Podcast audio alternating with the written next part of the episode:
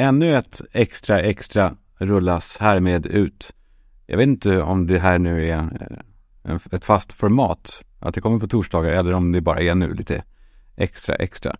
Vi får se. Ni får, ni får säga till vad ni, vad ni tycker också. Jag tänker, apropå det, när man sitter och pratar så här. För det känns som att jag pratar med liksom, dig. Man ska väl inte säga dig sådär. Eh, det blir fånigt när de säger som i tv-reklam säger, nu, då kan just du vinna en resa till Åland. Eh, men jag tänker mig ändå er som dig. Jag tänker mig så här, ungefär, för att, för att jag ska kunna göra det här, för att jag ska kunna sitta så här och, och prata rakt ut utan att känna mig som en, som en, eh, som en galen person. Att, att jag vaknade i morse innan klockan ringde och så låg jag kvar en stund i sängen, vilket jag inte riktigt brukar göra, men den här morgonen gjorde jag det. Och jag kollade nyheterna, kollade flödet och, och kollade DM och, och du låg då där bredvid mig och, och sov så fint. Och, och efter en stund så gick eh, ditt alarm som du hade ställt in och du vaknar lite grann och stänger av det och så vänder du dig mot mig. Och ja, ni vet den där blicken, den första blicken på morgonen eller på natten när man vaknar och får ögonkontakt. Det, här, det, det är en tom blick som är, det är en ingenting-blick. Den är liksom, den är, den är totalt neutral. Det är inte en blick, det är, det är två eh, liksom blöta ögonformer som är helt uttryckslösa. Det är som ett djur. Lite grann. Det, det skulle kunna vara obehagligt att bli tittad på med, med liksom sådana där ögon av någon som man lever tillsammans med. Någon som tittar på en som att man är en sak. Men med dig är det annorlunda. Vi har gjort så förut, tittat på varandra och sådär och, och skrattat så mycket åt det dagen efter. Och, och vi har skrattat åt saker som du gör i sömnen när jag ligger vaken bredvid. Du är så fascinerad och liksom fin när jag berättar om, om saker du gör i sömnen. Kanske att du skrattade lite eller, eller rörde på dig, att du var inne i en dröm. Och du vill veta allt, du älskar det där. Och jag kanske också överdriver lite då för att nu, nej för, jag, liksom, för att jag gillar den här stunden. Sällan lyssnar du så noga på mig som när jag berättar om vad du gör när du sover. ja, jag ler då mot dig, mot dina tomma ögon och jag säger god morgon. Och jag ser att din person börjar hitta in igen i ögonen och Fast jag märker att det är något som inte stämmer den här morgonen. Du pekar liksom mot halsen och så kommer det så här supermörkt så här uh, ljud. Det är så Bengt Magnusson Rossel kommer. och jag säger oj. Oj, har du, har du ont älskling? Men du har inte ont, jag ser det på din blick. Du är inte liksom ledsen. Du har bara tappat rösten. Det är där vi är. Du och jag. Så, ja, då går vi upp och äter frukost och det är lite konstigt att det är så här tyst. Och i grunden så tycker jag nog inte riktigt om det, men jag påminner mig själv hela tiden om att, nej just det, du har bara tappat rösten. Du är ju med mig, du är inte arg på mig. Jag har inte gjort något fel. Vi är vänner. För annars så påminner det liksom om känslan efter ett bråk när ingenting sägs.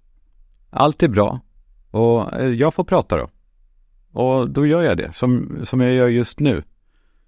Jag tänker hela tiden att när du inte svarar så är det inte något konstigt. Det är bara för att du inte kan prata. Men du kan ju faktiskt skicka ett DM eh, förresten. Tänk på det. det är vår relation i alla fall. Jag, eh, jag eh, hörde en sak på Sveriges Radio och jag fick så jävla mycket märkliga känslor. Och det här är delikat. Jag hoppas att, jag, men jag vet att vi är vänner. Så jag tror ju att ni förstår vad jag menar. Men det är så jävla balansgång det här, ett minfält. Jag undrar liksom om man kan ta upp det här utan att bli beskylld för en massa saker och det är ju så nu för tiden att allting förenklas så mycket. Alltså allting som är det minsta kompliceras, det förenklas tills det kanske inte riktigt ens stämmer längre. Det är problemet. Alla budskap måste förenklas. För folk har eh, inte tid att liksom, sätta sig in i saker. De har inte tid att sätta sig, att sätta in två tankar i huvudet samtidigt. Så säger Ulf alltid va. Man, man måste ha två tankar i huvudet samtidigt va. Eh, eh nej, problemet är ju det. Nej, kanske också att problemet ligger hos massmedierna. Också fan, det är så här nojigt ord. Det är som att man är paranoid när man säger massmedia, som att man, man avskyr det. Eh, men det är då att de förutsätter att folk inte har tid. Och de ser också att det lönar sig att förenkla alla budskap. En, en rubrik som eh, ser superenkel ut, eh, kanske egentligen är någonting mycket mer komplicerat. Det är väl, det är väl typ Ryssland-Ukraina-kriget det tydligaste tecknet på. Att vi får en bild av att det är så otroligt enkelt. Eh, ryssarna är galna och invaderar Ukraina. Det är inte så enkelt, men, men eh, vi har då ett klimat som gör att nej, vi måste förenkla det. Vi måste, skit i detaljerna, skit i det som kan försvåra. Eh, det måste bli tydligt direkt. Och eh, ja, men det är det jag är inne på med det här som jag då hörde på Sveriges Radio. När det blir komplicerat, när man skulle, när man skulle vilja diskutera saker som är svåra. Där det inte finns kanske ett, ett rätt svar. Det är, eh, ja, så här då. Vi, jag, jag gör det då. Det är lite läskigt, men jag gör det. Eh, jag lyssnar på Sveriges Radio, eller på nyheterna via deras app, Sveriges Radio-appen. Och då lyssnar jag inte då på Ekot, utan oftast på, de har en grej som heter toppnyheter, eh, ganska långt upp. Då trycker man på den och då kommer 15 stycken eh, toppnyheter i ett pärlband, alltså som stories. Man kan trycka next om man vill, eh, om det är en tråkig nyhet, eller tråkig nyhet. Det håller folk på med mycket nu. Alltså. Jag ska inte ta del av nyheterna, det är bara skit som pågår. Det kanske är så i och för sig. I alla fall, den lyssnar jag på och den första då, eh, häromdagen var, mm, fan det här är svårt alltså. Okej, okay. den här nyheten kom först. Jag sätter på den rakt upp och ner bara. Så här lät det. Skilda kvinnor, främst med ursprung i Mellanöstern, hängs ut inför en miljon publik på TikTok. Ofta med både namn och bild. Selma i Västsverige är en av dem som hängdes ut.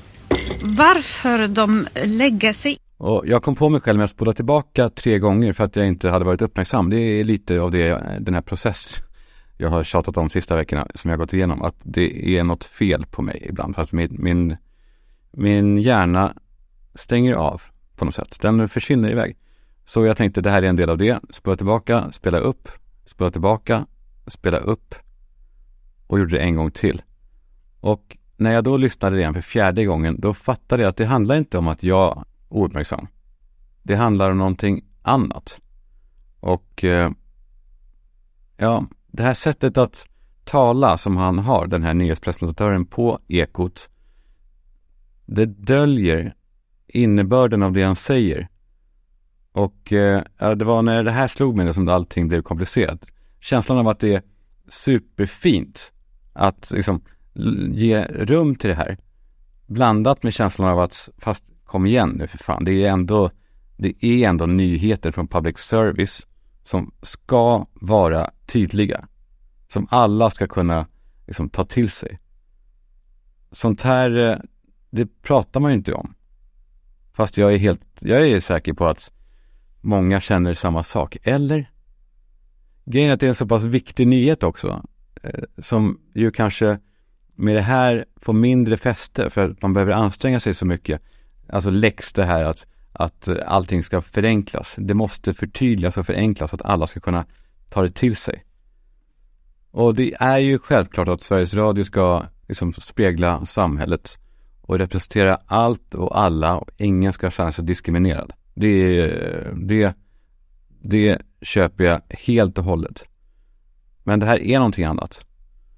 Och sen nu när jag pratar då högt om det så hör jag för mig själv att det här är, det kan feltolkas. Eller det kanske inte ens feltolkas, det kanske inte ens behöver feltolkas. Jag kanske är en, en stockkonservativ jävla boomer. Men jag kan ändå inte vifta bort det. Och, jag är helt säker på att det är bra att prata om det. Alltså att prata öppet om det. Och jag menar inte att jag ska gå ut i något jävla upprop och, och så, eller starta en Facebookgrupp och, och kräva kräva att äh, i, i Sveriges Radio, nyheterna ska man prata rikssvenska. Det, jag trodde i sig att det var en grej de hade, att man ska prata rikssvenska. Eh, men eh, Ja, för det är kanske inget jätteproblem det här. Det kanske, alltså att ekot är svåra att förstå vid något enstaka tillfälle. Det kanske inte är så vanligt. Eller så är det super, det kanske bara är, det kanske är supervanligt. Det kanske bara är jag som är helt yrvaken och säger hallå, vad är det här, vad är det här? Men tänker jag då på dialekter då. Är, är det mer okej okay med en dialekt än bruten svenska för att det är liksom mer svenskt? Då, för då blir det ju någonting sunkigt. För då handlar det ju plötsligt om ursprung och inte om att, om att ett sätt att prata liksom, eh, förhindrar innehållet. Men man kan väl liksom ändå förenkla genom att säga att bruten svenska också är en, en form av dialekt. Och då tänker jag på hur ofta kör de då in liksom grov sjeojakjeok vid gotländska i Rapport. Det händer väl inte särskilt ofta. För då tänker jag, det borde de ju i så fall göra. Och då menar jag inte, eh, då menar jag inte vara så här barnslig, ja då, då, ska de göra det också. Om de ska ha bruten svenska, då ska de ha sjeojakjeok vid ringmjouren eh, och, och sånt också.